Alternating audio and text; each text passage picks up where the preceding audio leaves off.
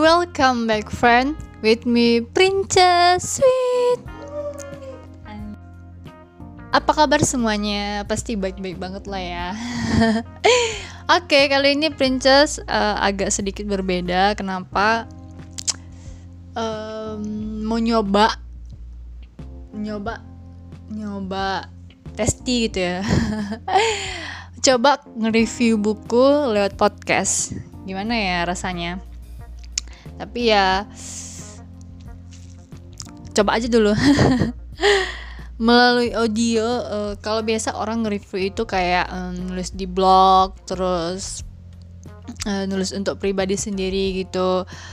Kayak apa namanya nyimpan untuk ngerasa apa apa isi buku yang udah dibacanya terus dia nulisnya ke tempat lain gitu. Biasa untuk ke pri, uh, untuk pribadi dan untuk kayak orang-orang yang nulis di blognya sendiri gitu. Nah um, berhubung aku seorang podcaster jadi aku juga kadang suka baca buku dan ya nge-review buku itu kayak bagian dari orang-orang yang pembaca buku sih sebenarnya gitu ya. Oke, okay.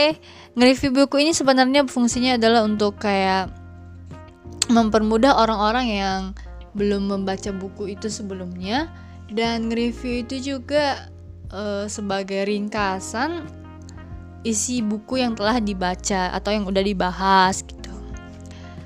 Review pertama ini yang dalam podcast aku aku ambil buku buku dari Hasta Indriana. Jadi penulisnya adalah Hasta Indriana dan judul bukunya adalah Seni Menulis Puisi. Aduh, berpuitis banget ya kan. Jadi Seni Menulis Puisi ini dicetak pertama bulan Juni tahun 2015 dan diterbitkan oleh Gambang Buku Budaya. Gambang Buku Budaya di Yogyakarta. Daftar isi dan kata pengantar 14 halaman ditambah dengan 208 halaman isinya. ISBN 978 602 Um, preview ya aku sendiri. aku nge-review buku ini mulai dari sampulnya menarik banget. Dia kayak gambar naskah gitu naskah yang panjang. Dan dengan pena zaman dahulu pena yang uh, ngecelupin ke tinta gitu. You know lah gitu. Nah um, di halaman setelah setelah daftar isi ada quote. Jadi di buku ini ada beberapa quote. Ada satu dua tiga empat. Ada empat quote yang dituliskan oleh penulis di dalamnya. Empat quote ya. Quote yang pertama yang muncul adalah saat kita pertama kali buka setelah daftar isi Menulis puisi itu tidak sulit, tetapi menjadi penyair itu tidak gampang. Dan quote ini uh, milik Iman Budi Santosa. Oke, Iman Budi Santosa. Menulis puisi itu tidak sulit, tetapi menjadi penyair itu tidak gampang. Ya, gitu. Karena sesuatu yang ingin kita pelajari mungkin kalau kita ingin berusaha, kalau kita mencoba mungkin tidak akan sulit jadi seperti itulah puisi. Karena puisi itu kadang seperti spontanitas atau puisi itu kadang isi hati kita yang muncul tiba-tiba dan menjadikan itu sebuah kalimat-kalimat yang puitis gitu. Tetapi satu hal bahwa penyair itu tidaklah gampang gitu. E, karena juga e, puisi punya ciri khasnya puisi juga punya uh, aturan atau standar-standar yang perlu dilihat mungkin seperti itu kenapa dibilang penyair itu tidak uh, itu tidak gampang juga gitu. Oke? Okay? uh, apa lagi ya? Di sini juga penulis bilang eh, kenapa dia nulis buku ini? Karena dia suka nulis di Facebooknya gitu atau di in inboxnya uh, selalu nanya gimana sih uh, buat puisi itu? Terus artinya puisi itu gimana sih gitu? Banyak orang yang bertanya-tanya gitu kan gimana puisi itu? Awalnya Hasta Indriana ini cuman serpihan-serpihan langkah-langkah yang dia tuliskan atau dia unggahkan di Facebook tapi banyak orang yang merespon dia senang banget ya kan banyak banget yang ngerespon gimana sih cara langkah-langkahnya yang lebih gampang lagi atau yang lebih mudah lagi gitu kan nah Hasa Indiana juga semakin uh, sering mengunggah dan banyak respon dari inbox, komentar-komentar di dalam kolom komentar gitu ya kan. Nah, kemudian uh, dari sepian-sepian itu menjadikan draft buku yang sekarang ini udah jadi uh, buku utuh gitu yang udah diterbitkan. Um, ada pertanyaan bahwa apa sih arti puisi itu dalam buku ini? Hasa Indriana menuliskan bahwa kalau arti puisi itu sebenarnya dan sesungguhnya yang sebenarnya bahwa arti puisi itu disuguhkan sesuai dengan uh, orang yang bertanya itu. Misalnya ke seorang yang udah mahasiswa gitu apa sih arti puisi? gitu kan. Jadi kayak um, ataupun juga bias uh, jika yang bertanya itu adalah seorang yang memang tidak suka pelajaran bahasa Indonesia karena menurutnya guru guru membosankan gurunya membosankan kemudian uh, akhirnya penulis bertanya eh menjawab bahwa puisi adalah karya sastra yang pada saat ini di Indonesia banyak dipahami sebagai tulisan yang mengungkapkan isi hati uh, seseorang. Jawaban ini penulis sesuaikan dengan isi penanyanya. Tentu berbeda dengan jawaban apabila yang bertanya siswa SMP ataupun mahasiswa gitu. Nah, itulah makanya dikatakan si penulis di sini bahwa sejujurnya siapa pun yang bertanya tentang hakikat puisi pasti akan berbeda jawabannya. Belum lagi bila pertanyaan itu ditambahkan lagi, puisi yang baik itu ya bagaimana ya, yang bagaimana ya gitu.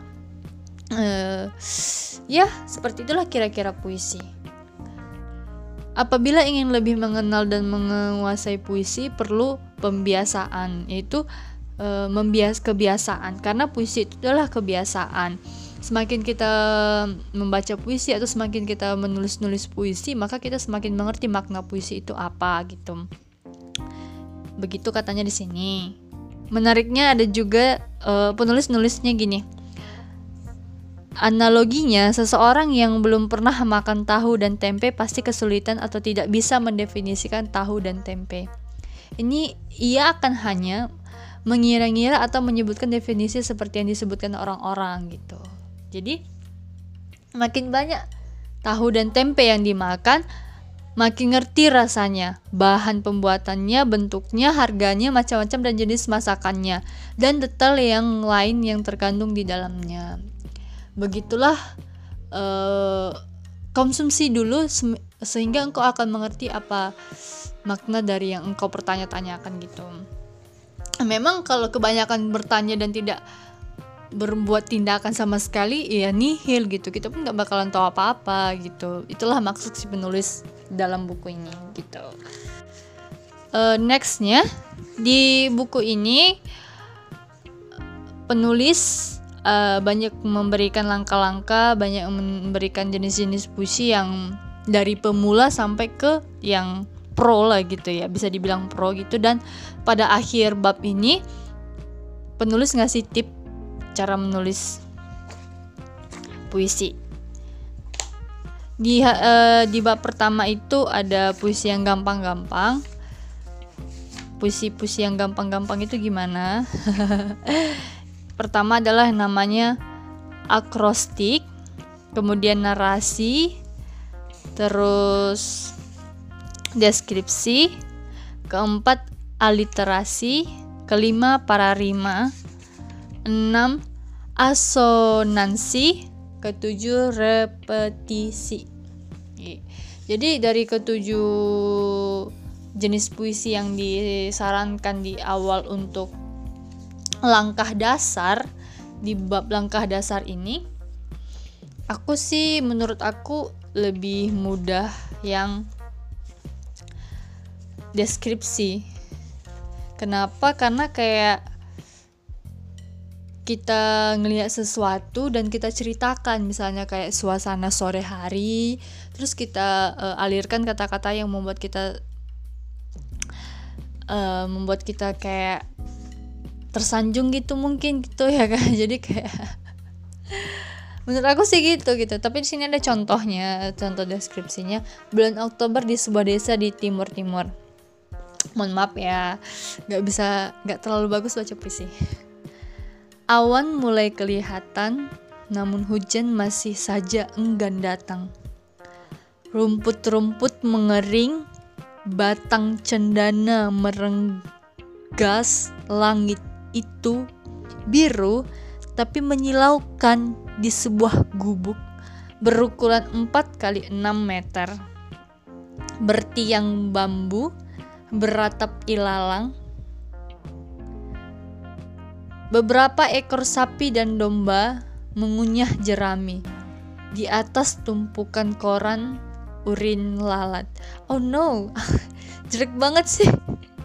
Oke aku ulangi awan mulai kelihatan namun hujan masih saja enggan datang. Rumput-rumput mengering, batang cendana meranggas. Langit itu biru, tapi menyilaukan. Di sebuah gubuk berukuran 4 kali 6 meter, bertiang bambu beratap ilalang Beberapa ekor sapi dan domba mengunyah jerami di atas tumpukan kotoran urin lalat. Udara yang panas. Siang itu seorang ibu menuangkan seember air ke tempat minum sapi dan domba-domba itu bangkit. Lalat berterbangan Bau omaniak merebak. Aroma jerami busuk menusuk. Namun ibu itu tak terganggu. Kayaknya nggak tersampaikan ya. Mohon maaf ya, cuman ini contoh puisinya. Aku tidak terlalu pandai untuk mengungkapkan puisi karena intonasi-intonasiku sudah mulai-mulai gimana gitu ya belajar untuk mengungkapkan intonasi puisi itu tidak terlalu baik ya tidak terlalu bagus sih sama aku. Ya begitulah. Kemudian ada quote yang kedua. Pada dasarnya puisi adalah pembicaraan sesuatu hal dengan hal yang lain. Uh, mungkin kenapa dikatakan seperti itu? Karena kayak misalnya tadi deskripsi berarti dia membicarakan bahwa di desa tadi itu bagaimana tentang seorang ibu yang mengurus uh, ternaknya gitu dan kehidupannya di, di di kubu itu. Nah, kemudian juga hmm, penulis tidak hanya memberikan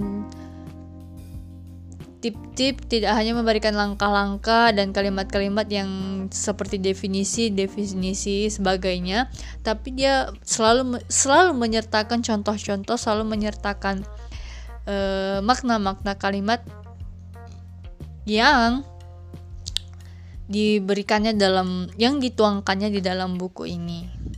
Begitu. Dan kemudian terakhir adalah quote ini quote-nya yang terakhir. Apabila momen puitis datang tangkaplah. Caranya dengan mencatat. Ingat bukan sekedar mengingat tetapi mencatat. Apabila momen puitis datang tangkaplah. Caranya dengan mencatat. Ingat, bukan sekedar mengingat, tetapi mencatat. Wow, wow banget. Penulis ngasih quote ini karena kenapa? Menurut aku ya, penulis ngasih eh orang-orang yang belajar untuk menjadi penulis itu kadang yang menghalang mereka adalah sebuah kemalasan dan sebuah ide ide-ide yang berlalu begitu saja dan dilupakan gitu.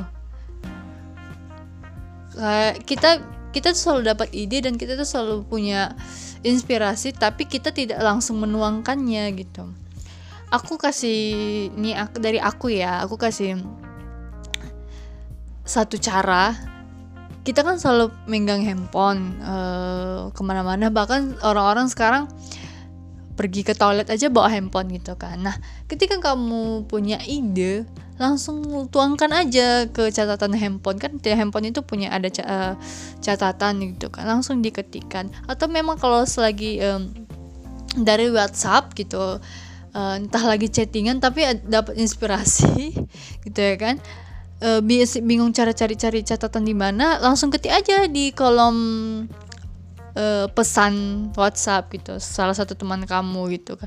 Nanti kamu tinggal pindahin tinggal disimpan gitu kan. Kan mudah. Atau kalau mm, mau lagi ya kamu bisa bawa catatan-catatan kecil untuk menuangkan nuangkan ide-ide kamu gitu. Kalau tidak ingin kalau misalnya dari handphone gitu ringankanlah uh, tangan kamu, ringankanlah langkah kamu untuk terus menuangkan ide-ide kamu itu. Jangan cuma karena kita sehari-hari apalagi beraktivitas yang banyak, kita bisa melupakan gitu.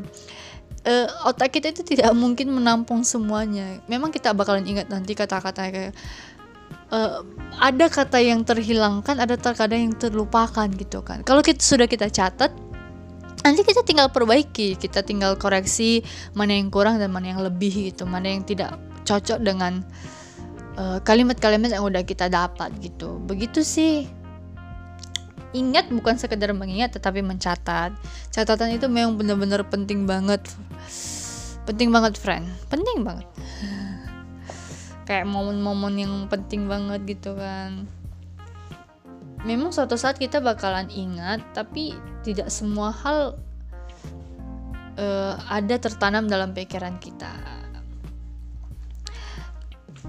Di bab terakhir tadi aku bilang ada tip ya benar di bab terakhir ini di halaman 157 penulis ngasih tip. Yang pertama menangkap momen puitis. Terus yang kedua mengemas benda-benda usang um, Lalu menghilangkan kata sambung, menghindari kata sifat, menulis hujan, wow, menulis kata pertama atau bait pembuka, uh, kemudian menjajal kata seru, ini seru banget ya, menjajal kata seru, kemudian menulis judul, ini paling sering nih yang bikin dilema adalah menulis judul. Dan terakhir adalah revisi. Ya dari semuanya pasti kita bahkan selalu membutuhkan revisian. Revisian itu yang dosen aku bilang juga kalau kamu tidak sanggup atau tidak um, terkadang ada pikiran kita buntu gitu kan dalam merevisi, kita juga bisa memberikan ke, karya kita kepada tulisan kita kepada teman kita, teman dekat kita atau ke dosen kita, guru kita yang kita rasa um, sebagai tempat di mana kita mendapatkan ide baru, di mana tempat kita menerima masukan yang cukup bagus gitu. Paham kan sampai di sini? Aku kayaknya perlu jelasin ya tip-tipnya. tip yang menangkap momen puisi. Di tip pertama ini yang menangkap momen puitis itu um, di mana apabila momen puitis datang itu tangkaplah caranya dan mencatat tersebut. Um, Berikan ruang yang luas bagi kata kunci, beri pula keterangan penunjang seperti acuan teknik yang akan dipakai, sesuai yang akan dibangun, dan lain-lainnya. Salah satu cara yang sering penulis lakukan dalam mencatat momen puitis adalah dengan metode mind, mind pay, mind, mind paying Puisi berjudul Ramlat Puisi ini, karya khas Indian adalah contohnya momen puitis puisi tersebut datang ketika membaca peringatan sebuah produk dalam kemasan kardus. Simpan di tempat sejuk dan seterusnya ketika itu tiba-tiba terlintas untuk membuangnya menjadi sebuah puisi, apa hubungannya antara peringatan tersebut dengan isi atau kemaknaan puisi? Gitu. Terus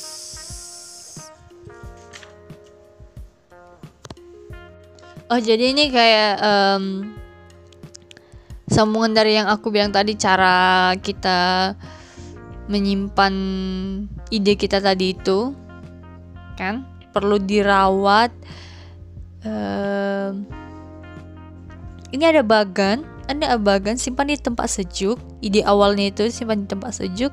Apa yang disimpan di tempat sejuk itu ya itu adalah puisinya atau ide ide utama yang kamu dapatkan tadinya. Main paping itu adalah yang dinamakan dirawat, jauhkan dari kejahatan atau air mata, jauh dari kesedihan atau ang angkara, lembut dan bertenaga, penuh dengan cinta. Wow. Jadi puisi yang dalam itu tadi kita perlu merawatnya, kita harus menjauhkannya dari kejahatan. Mungkin maksudnya kayak uh, kesedihan apa yang dalam pikiran itu kita buang dulu? Kayak dosen aku pernah bilang kita perlu menenangkan hati dan pikiran kita dengan yang lembut dan penuh dengan cinta. Jangan ada kata kesedihan atau uh, kesengsaraan yang mungkin sedang kita landa gitu. Itu sih menurut aku Kemudian uh, tip kedua mengemas benda-benda usang. Itu maksudnya mungkin adalah kata-kata yang sudah lama tidak terpakai lagi. Penulis-penulis di sini kata-kata yang perlu dicurigai usang di zaman ini dalam kurang tetapi tidak harus tidak dipakai gitu. Terutama yang berpotensi membuat puisi menjadi clash antara lain sebagai berikut. Ini dia.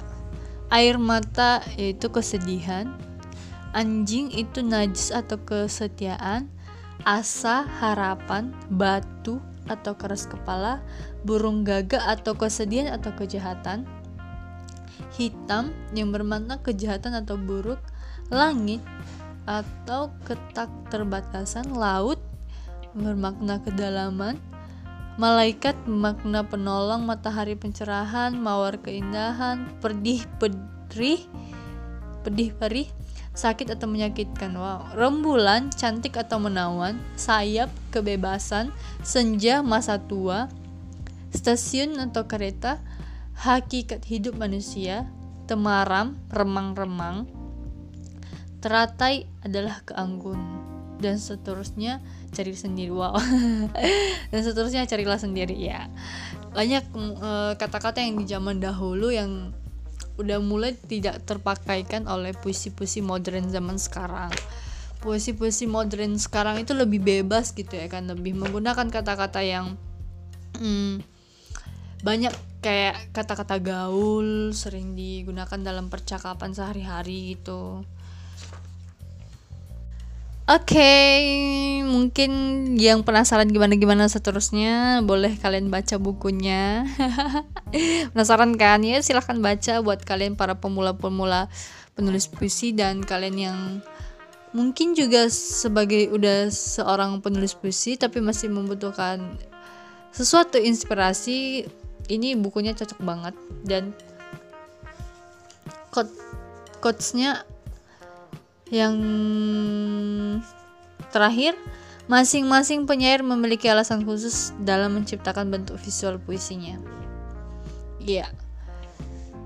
Nggak cuma puisi, semua orang punya ciri khas masing-masing. Dari mungkin dari face-nya, dari bodinya, dari ya all from. Jadi ya dari semuanya itu punya ciri khas masing-masing. Dari orang berbahasa, dari orang berkata gitu, punya cirinya masing-masing gitu. Kan? Nah, untuk mengungkapkan sesuatu itu ya puisi adalah salah satu yang tepat untuk kita uh, bermakna, menuangkan inspiran, menuangkan isi hati, menuangkan cerita, kisah-kisah yang ya begitulah kadang juga puisi ini menurut aku kayak abstraknya abstraknya sebuah secret gitu kayak rahasia yang mau diungkapkan tapi secara abstrak gitu. bener loh karena karena puisi itu uh, perlu tebakan juga apa sih makna yang ditulisnya gitu kan. Dia mengungkapkan sesuatu tapi dengan kata lain gitu tapi menggunakan cara lain gitu. Itulah menurut aku puisi gitu kayak rahasia yang abstrak gitu. Tentu saja karena rahasia itu kayak ya memang benar-benar tersimpan terkunci tapi mengungkapkannya hmm, dengan cara abstrak aja agar orang bisa mendebak-debaknya gitu. Mencoba untuk mendebak-debaknya. Begitulah. Oke. Okay. mungkin sampai di sini review bukunya. Nggak kalau kurang tertarik sih mungkin ya. Tapi saran aku untuk menulis puisi belajar menulis puisi itu dan menjadi seorang penulis bisa sih seni menulis puisi oleh Hastra Indriana ini bagus banget oke okay. Mohon maaf atas kekurangan dan juga buat kata-kataku yang salah, tidak sesuai dengan isi atau juga tidak sesuai dengan preview-preview yang handal karena aku juga masih belajar dan aku juga ya apalagi tadi saat aku membacakan puisinya mungkin aku kurang persiapan atau terlalu jarang untuk membaca puisi mungkin ya. Udah lama sih aku nggak baca puisi. Dikarenakan banyak hal ya begitulah. Oke terima kasih semoga bermanfaat. Senang buat kalian semuanya. With princess sweet sweet your life